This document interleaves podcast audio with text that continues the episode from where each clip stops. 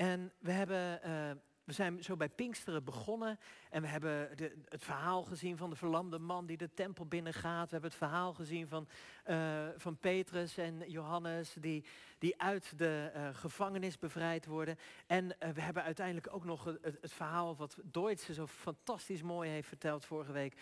Gezien van Stefanus, de, de eerste martelaar van de kerk. En nu vlechten we als het ware die verhalen in elkaar. Want weten jullie nog van, uh, van Gamaliel? Herinneren jullie die naam nog? Van een van de eerste preken uit de reeks. Uh, Gamaliel was die fariseer die opstond in het Sanhedrin en wijze raad gaf. Die zei van joh, als je... Uh, denk eventjes na voordat je achter deze men mensen aangaat, want voor je het weet ben je tegen God zelf aan het strijden. Laat ze met rust, kijk maar of het de stille dood sterft, doet het dat niet, dan is het van God. En deze wijze man, daar heb ik toen niet zo heel veel woorden aan gegeven, maar dit is een van de grootste denkers van de eerste eeuw. Gamaliel de Grote wordt hij genoemd. Uh, en voor het eerst wordt er iemand in plaats van rabbi, krijgt hij nog een hogere titel toegewezen en dat is Rabban Gamaliel de Grote. Dit is een van de grootste denkers van zijn tijd. En wie is zijn leerling? Wie is een van, van, van zijn star pupils, zeg maar?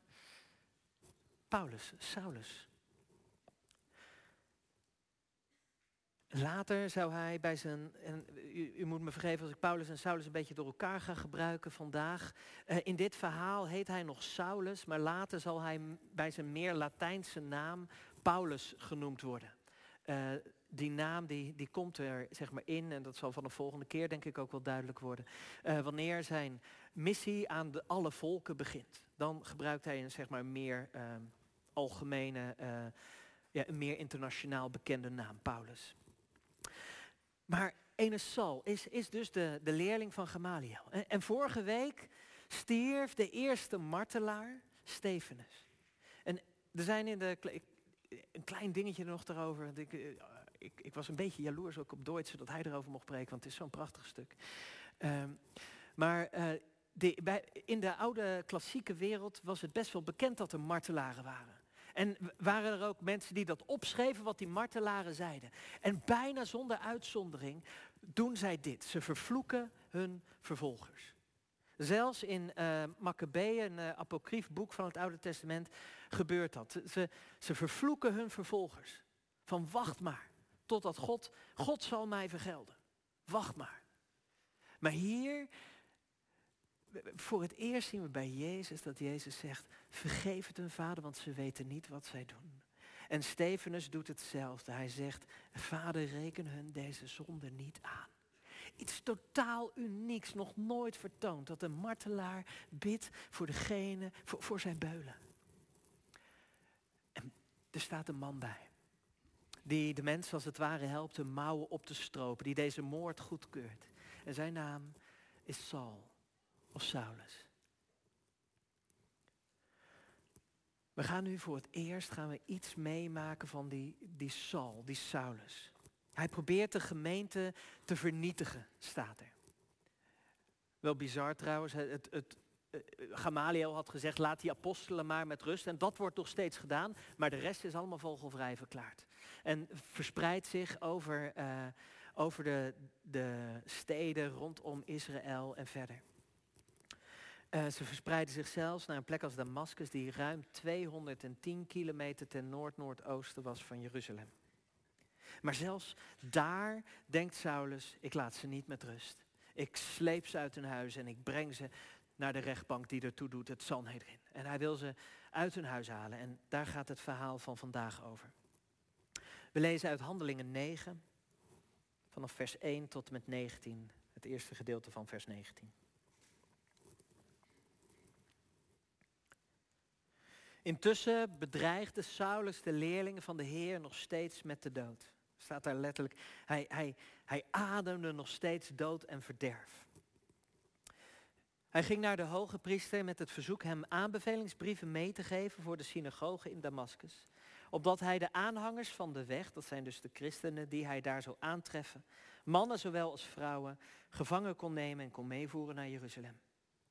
En toen hij onderweg was en Damascus naderde, werd hij plotseling omstraald met een licht uit de hemel. Hij viel op de grond en hoorde een stem tegen hem zeggen, Saul, Saul, waarom vervolg je mij? Hij vroeg, wie bent u, Heer? Het antwoord was, ik ben Jezus, die jij vervolgt. Maar sta nu op en ga de stad in, daar zal je gezegd worden wat je moet doen. De mannen die met Saulus meereisden stonden sprakeloos. Ze hoorden de stem wel, maar zagen niemand. Saulus kwam overeind en hoewel hij zijn ogen open had, kon hij niets zien. Zijn metgezellen pakten hem bij de hand en brachten hem naar Damascus. Drie dagen lang bleef hij blind en at en dronk hij niet. In Damascus woonde een leerling die Ananias heette. In een visioen zei de Heer tegen hem, Ananias. Hij antwoordde, ik luister Heer. Daarop zei de Heer, ga naar de rechte straat en vraag daar in het huis van Judas naar iemand uit Tarsus die Saulus heet. Hij is aan het bidden. En hij heeft in een visioen gezien hoe een man die Ananias heet binnenkomt en hem de handen oplegt om hem weer te laten zien. Ananias antwoordde, Heer, van veel kanten heb ik gehoord over deze man en over al het kwaad dat hij uw heilige in Jeruzalem heeft aangedaan. Bovendien heeft hij toestemming van de hoge priesters om hier iedereen die uw naam aanroept in de boeien te slaan. Maar de Heer zei, ga, ga, want hij is het instrument dat ik gekozen heb om mijn naam uit te dragen onder de volken en hun heersers en onder de Israëlieten. Ik zal hem tonen hoezeer hij moet lijden omwille van mijn naam. Ananias vertrok en ging naar het huis, waar hij Saulus de handen oplegde terwijl hij zei, Saul, broeder, ik ben gezonden door de Heer, door Jezus, die aan u verschenen is op de weg hierheen, om ervoor te zorgen dat u weer kunt zien en vervuld wordt van de Heilige Geest. Meteen was het alsof de schellen van Saulus ogen vielen. Hij kon weer zien, stond op en liet zich dopen. En nadat hij gegeten had, kwam hij weer op krachten. Woord van God.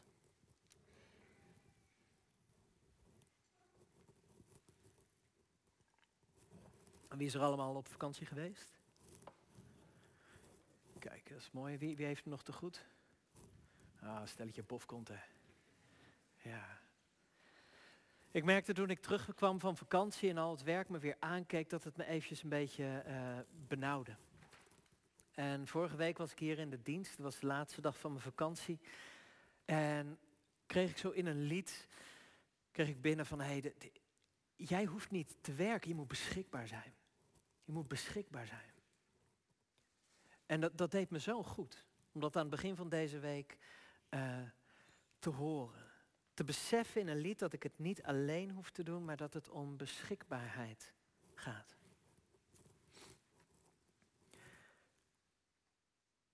In een podcast die ik luisterde over deze teksten, over, over Paulus, tegenwoordig doe je commentaren lezen en podcast luisteren, dat kun je combineren tegenwoordig. En over Paulus werd dit gezegd. Um, wie is de beste ondernemer in de geschiedenis? Dat is niet Henry Ford, dat is niet Steve Jobs, maar misschien is dat wel Saulus van Tarsus. Paulus van Tarsus. Want deze man die heeft, heeft het, het product christendom, zeg maar, over heel de toen bekende wereld verspreid. En nu nog steeds, 2000 jaar later, hebben we het nog steeds over de woorden van Paulus. Hebben we het nog steeds over de woorden die hij doorgaf, de woorden van God. Paulus van Tarsus als de, als de, als de beste ondernemer in uh, de geschiedenis. Want over 4000, eh, zeg maar in het jaar 4000 hebben we vast geen Steve Jobs telefoons meer. De invloed die hij heeft gehad op de wereld waar we nu nog in leven is ongekend. Hij heeft het christelijk geloof vertaald en uitgelegd zodat het zich kon verspreiden. Hij heeft als het ware dat, dat, die, die, die basisgedachte geordend. En, en hij is qua, qua denker, qua denkkracht, qua scherpte, qua filosofie, eh, kan hij tippen aan een Plato en een Aristoteles. Maar als het gaat om Paulus, als je, als je ziet welke marketingstrategie hij heeft, dan is dat absoluut niet met zichzelf de lucht in prijs. Met een, een, soort legende van positiviteit om zich heen te creëren. Nee, steeds verwijst hij terug naar dit moment. Dit moment. Het moment waarop Saulus het mis had. Je zou kunnen zeggen, hier, op dit moment, hier gebeurt het. Hier, onderweg naar Damascus, in zijn blinde uren. In, in het omstraald worden door het licht van God. En, en God te zien in het gezicht van Christus daar langs de kant van de weg. Hier gebeurt het in het doopwater waar hij opnieuw begint. Alles wat Paulus later zou zeggen. Zijn nadruk op, op genade. Zijn openheid en dat, dat je het niet zelf kunt verdienen. Zijn openheid naar de, de heidense volken. Zijn, zijn visie op, op, op God en op Jezus en hoe die zich tot elkaar verhouden. Zijn visie op de kerk als lichaam van Christus. Hij is de enige die zegt, de kerk is het lichaam van Christus. Dat heeft met dit moment te maken. Dat heeft met dit moment te maken. Hier gaat alles naar terug. Naar het moment waarop Saul het fout had. Waar het moment waarop hij het verkeerd had. Hij kijkt steeds terug en zegt, dat is het moment, dat deed er toe. En hoe mis had hij het wel niet? Deze man die, die dacht voor God te strijden. Maar nu hoort hij een stem. Saul, Saul, waarom vervolg je mij? Het zou te ver gaan om hier helemaal op, op, op, op in te gaan, maar er zijn hele leuke parallellen tussen koning Saul in het Oude Testament en deze Saul. Hij is degene die, die de gezalfde van de Heer achtervolgt. Die dood en verderft ademt naar de gezalfde van God. Um, en nu opnieuw een Saul die Jezus zelf vervolgt. Ja, Jezus zelf vervolgt. Ik, ik, ik zei toch dat het, het idee van dat de kerk het lichaam van Christus is. Dat het hier ook zijn oorsprong vindt. Dat, dat Paulus hier te horen krijgt. En je vervolgt mij. Terwijl wie vervolgt hij? Niet eens de apostelen zelf, maar, maar de mensen die, die, die tot geloof zijn gekomen door die apostelen, die vervolgt hij. Toch niet Jezus zelf, maar die identificatie van Jezus is zo sterk met zijn gemeente, met jou. Dat wanneer jou iets aangedaan wordt, dat hij zal zeggen, dit is mij aangedaan. En wanneer jij iets goeds doet voor een ander, dat Jezus zal zeggen, ik was het in jou. Die vereenzelviging van God en zijn gemeente is nergens zo sterk in de Bijbel als bij Paulus. En dat zit hem in dit moment. En Saulus vraagt wanneer Jezus zegt, Sal, Sal, waarom vervolg je mij? Zegt hij iets prachtigs. Hij zegt, Heer, zegt hij, wie bent u, Heer?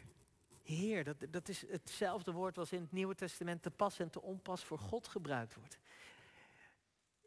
Wie bent u, Heer? Oftewel, ik weet dat u God bent, maar wie bent u? En het antwoord van Jezus is, ik ben het, Jezus, die jij vervolgt. Jacob zou, zou het, heeft het lang voor hem ook gevraagd, wie bent u met wie ik worstel? En hij krijgt te horen, waarom zou je dat vragen? Maar hier krijgt Saul het te horen. Ik ben Jezus die jij vervolgt. Als je dat weet, dan, dan is het niet gek dat je Paulus later Jezus zo op, op, hetzelfde, op dezelfde plek, in, de, in, de, in dezelfde harmonie met God uh, en dat ziet verkondigen. Um, de Heer maakt zich bekend als de Heere Jezus. En Saulus is ziende blind geweest en wordt nu blind om te kunnen gaan zien. Hij krijgt in een paar dagen tijd meer inzicht in de werkelijkheid dan ooit tevoren. Het moment wat ertoe doet, is het moment waarop Paulus, waarop Saulus het verkeerd had. En er is nog iemand in het verhaal die het verkeerd had. Ananias. Een man, hij, hij komt niet uit Jeruzalem, hij lijkt uit Damascus te komen, want hij heeft alleen van horen zeggen wat er met de heiligen in Jeruzalem gebeurd is. Um, maar Ananias krijgt een stem van God, Ananias. En hij antwoordt zoals Samuel, uh, zoals heel veel profeten antwoorden, hier ben ik. Hier ben ik. En hij gaat op dit moment zijn rol in de geschiedenis innemen. Hij krijgt een visioen over een visioen. Dat is cool, hè? Dit zou ik ook wel een keer willen. Een visioen over een visioen. Hij krijgt te horen, uh, Paulus heeft een visioen gehad en daar heb jij nu een visioen over, want jij komt voor in het visioen van Paulus. Super tof. Echt, uh, als ik nog iets een keer mag vragen van God, dan lijkt me dat wel heel cool. Um, En ook hij krijgt te horen dat hij het verkeerd heeft. Wanneer hij zegt, ja maar, maar Saul, heeft u het over Saul? Saul van Tarsus, die uit Jeruzalem is gekomen om hier dood en verderf te zaaien. Om ons mee te voeren terug naar, naar, naar Jeruzalem. Die Saul heeft u daarover? Ja, zegt God.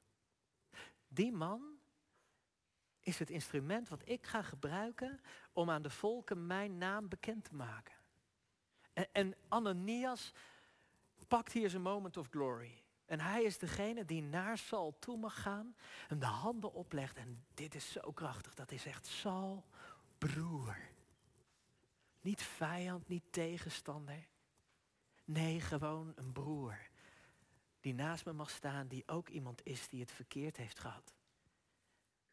En wat hem verbindt is dat ze naar God luisteren. Ananias is degene die, die onder zijn handen mag zien dat de geest gaat waaien in deze mens. Ananias is degene die je mag dopen. En dat is het begin van, van een nieuwe fase in de kerk. Eerder, waren, waren de apostelen, degene die Jezus verkondigden, waren vissers en tollenaars en vrouwen. Dat hoeft hij toch niet helemaal serieus te nemen. Maar nu is er een leerling van de beste denker van zijn tijd. Een, van de, degenen die zo dicht bij Gamaliel stond, dat hij zelfs op het moment van, van Stefanus erbij was. Iemand die de top of de bil van Israël is. Degene die het zou moeten weten. Die gepokt en gemazeld is van de, uh, in, de, in de wet van Mozes en de profeten en in de geschriften. Die, die toch zou moeten weten hoe het zit. Hij zegt vanaf dit moment, Jezus is Heer. Omdat hij op de weg van Damascus een stem heeft gehoord die Jezus van Nazareth bleek te zijn en die ook God was.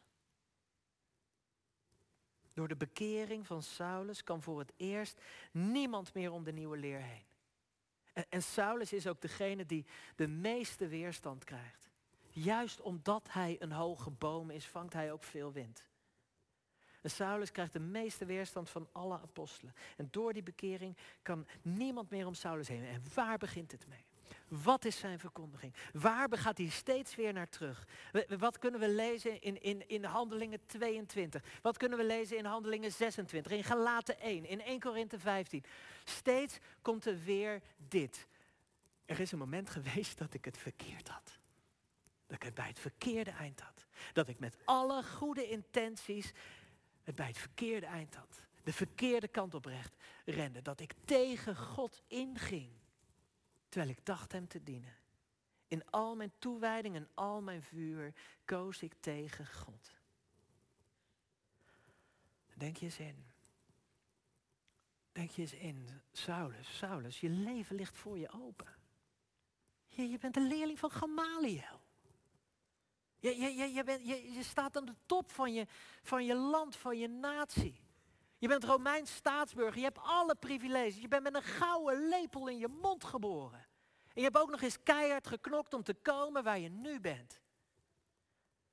Saulus, wat gebeurt er? Eén moment. Eén ontmoeting. Eén ontmoeting met de levende, opgestane Heer is genoeg voor Paulus om dit te schrijven. En dat schrijft hij in Filippenzen 3, vanaf het eerste vers. Wij laten ons voor, niet voorstaan op Christus Jezus, niet op afkomst of prestaties.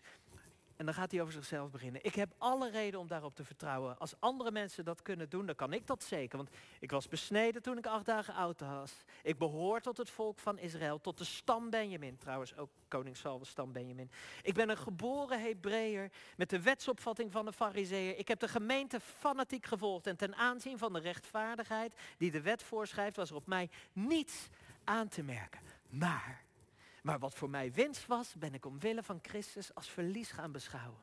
Sterker nog, alles beschouw ik als verlies. Want alles wordt overtroffen door het kennen van Christus. Van Christus Jezus, mijn Heer. Omwille van wie ik alles heb prijsgegeven. In mijn ogen is het waardeloze troep. Want ik wil Christus winnen en één met Hem zijn. Ik wil Christus winnen en één met Hem zijn. De rest is waardeloze troep. Niet dankzij mijn eigen rechtvaardigheid, het naleven van de wet, maar dankzij de rechtvaardigheid die er is door het geloof in Christus en die God toekent op grond van het geloof. Ik wil Christus kennen en de kracht van zijn opstanding ervaren door te delen in zijn lijden en aan hem gelijk te worden in zijn dood, in de hoop ook zelf uit de dood op te staan.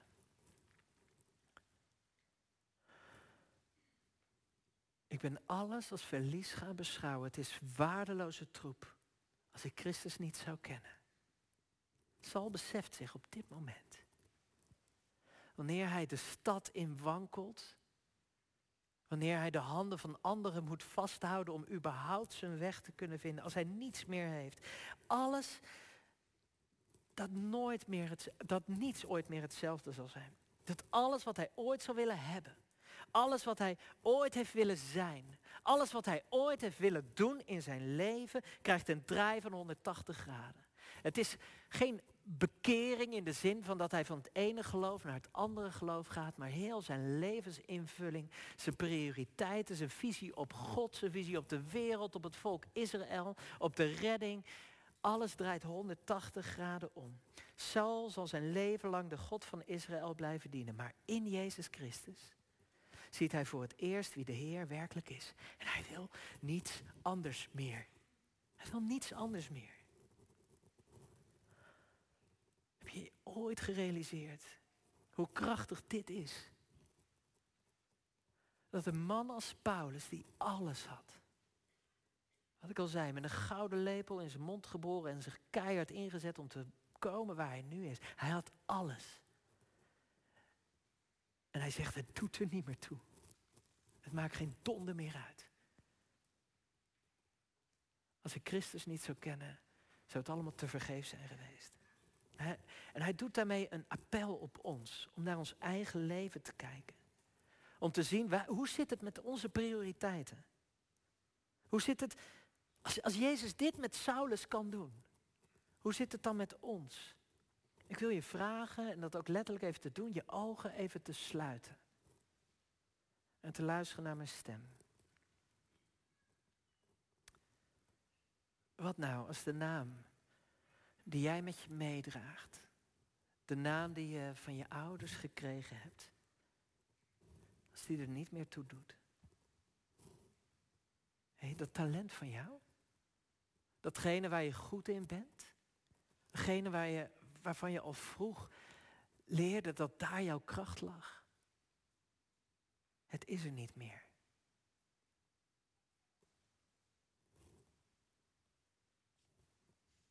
Datgene waar je altijd waardering mee geoogst werd, omdat dat jou bijzonder maakte, het doet er niet meer toe. En jouw passie, jouw drive, datgene waar je van je zo zeker weet dat jij het moet vasthouden. Datgene waar je zo, waar zoveel uren in de week in gaan zitten. Omdat jij zeker weet dat jij het moet doen. Je krijgt op dit moment te horen van Jezus, het doet er niet toe. Jij mag het loslaten. Al denk je dat niemand anders dit kan of wil of ziet, vergeet het. En het vermogen dat je vergaarde. Financieel, maar ook je opleidingen. Je financiën, je, je huis, je baan. Het betekent niets. En, en, geloof je dit als ik dit zeg? Dat jouw geliefde, de partner die je had, of de partner die jij op dit moment zo sterk verlangt, maar nog niet hebt leren kennen, je hebt ze niet nodig. Ze doen er niet toe. Je kunt zonder hem of haar. En als je die hebt, kinderen, weet dan dat zij niet langer je levensgeluk zullen zijn. Of zullen worden. Zij bestaan, ja. Maar ze zijn allereerst kinderen van God en niet langer van jou. Ze worden opgenomen in datzelfde stralende licht dat ons omhult. Ik ben het. Jezus van Nazareth. Degene die jij vergeet. Degene die je steeds aan de kant zet. Maar ik zeg je, ga, wacht. Wacht tot mijn stem klinkt. Mijn geest in jouw gestalte krijgt en ik beloof je dat je nooit meer iets anders zult willen dan dit. Alles beschouw je als verlies. Het is waardeloos in vergelijking met dat ene. Christus kennen en de kracht van zijn opstanding ervaren. Open je ogen. Kun je dit meezeggen? Zou je het mee willen zeggen? Want, want, zelfs als je dit nog nooit ervaren hebt, dat er zoiets is wat zo diep gaat, wat, wat, wat zo jouw hart overspoelt met liefde en goedheid, dan is dat toch wel iets waar je naar zou willen verlangen. En is dat niet, niet, niet ook hetgene wat achter al onze verlangens en al onze drive en al onze passie en al onze liefde zit? Dit.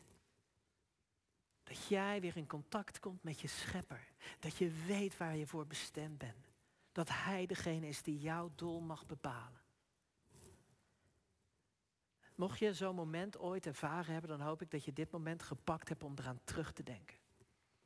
Om opnieuw te weten, ja, daar gaat het om. Toen, op het moment dat ik het verkeerd had. Op het moment dat ik tekort schoot. Op het moment dat ik mijn kwetsbaarheid omarmde en Gods kracht ervoer.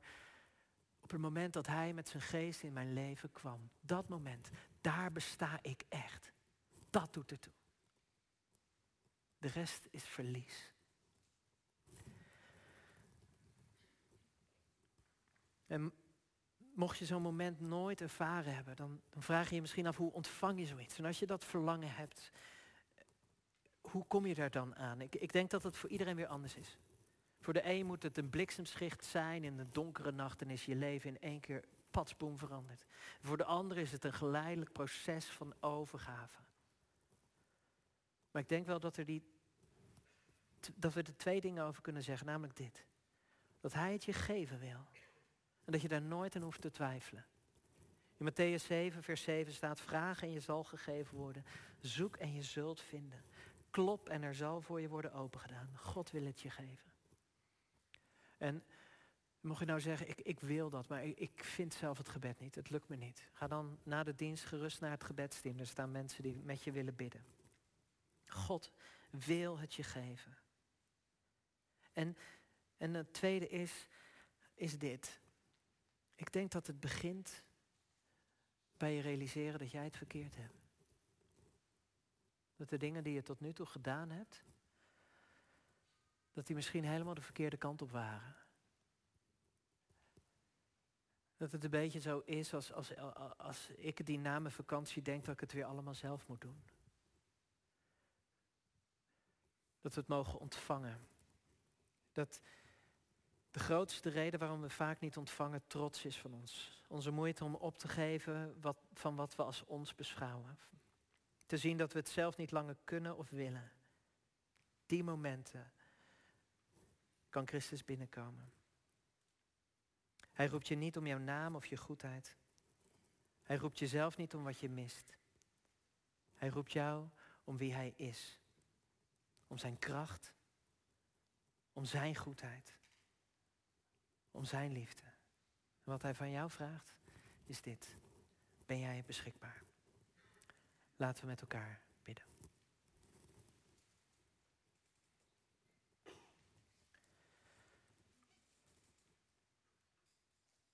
God, we, we willen verlangen naar zo'n ervaring als, als, als Saulus daar op de weg van Damascus. Maar u weet wat ons tegenhoudt. U weet wat ons altijd heeft tegengehouden om ons volledig aan u te geven. We bidden u, bevrijd ons. Bevrijd ons van, u, van onszelf en geef ons u ervoor in de plaats. Lieve God, wees onze zonde zodat u onze gerechtigheid kan worden. Wees onze haat zodat wij uw liefde kunnen worden. Wees alles wat gebroken is in ons, verneder u naar ons toe. Verhoog ons. En laat ons zien dat de enige weg daar naartoe is. Dat wij ons aan u geven. Onszelf als verlies beschouwen. En u aanvaarden als onze Heer en Redder en Verlosser. Dat bidden we u uit genade. Amen.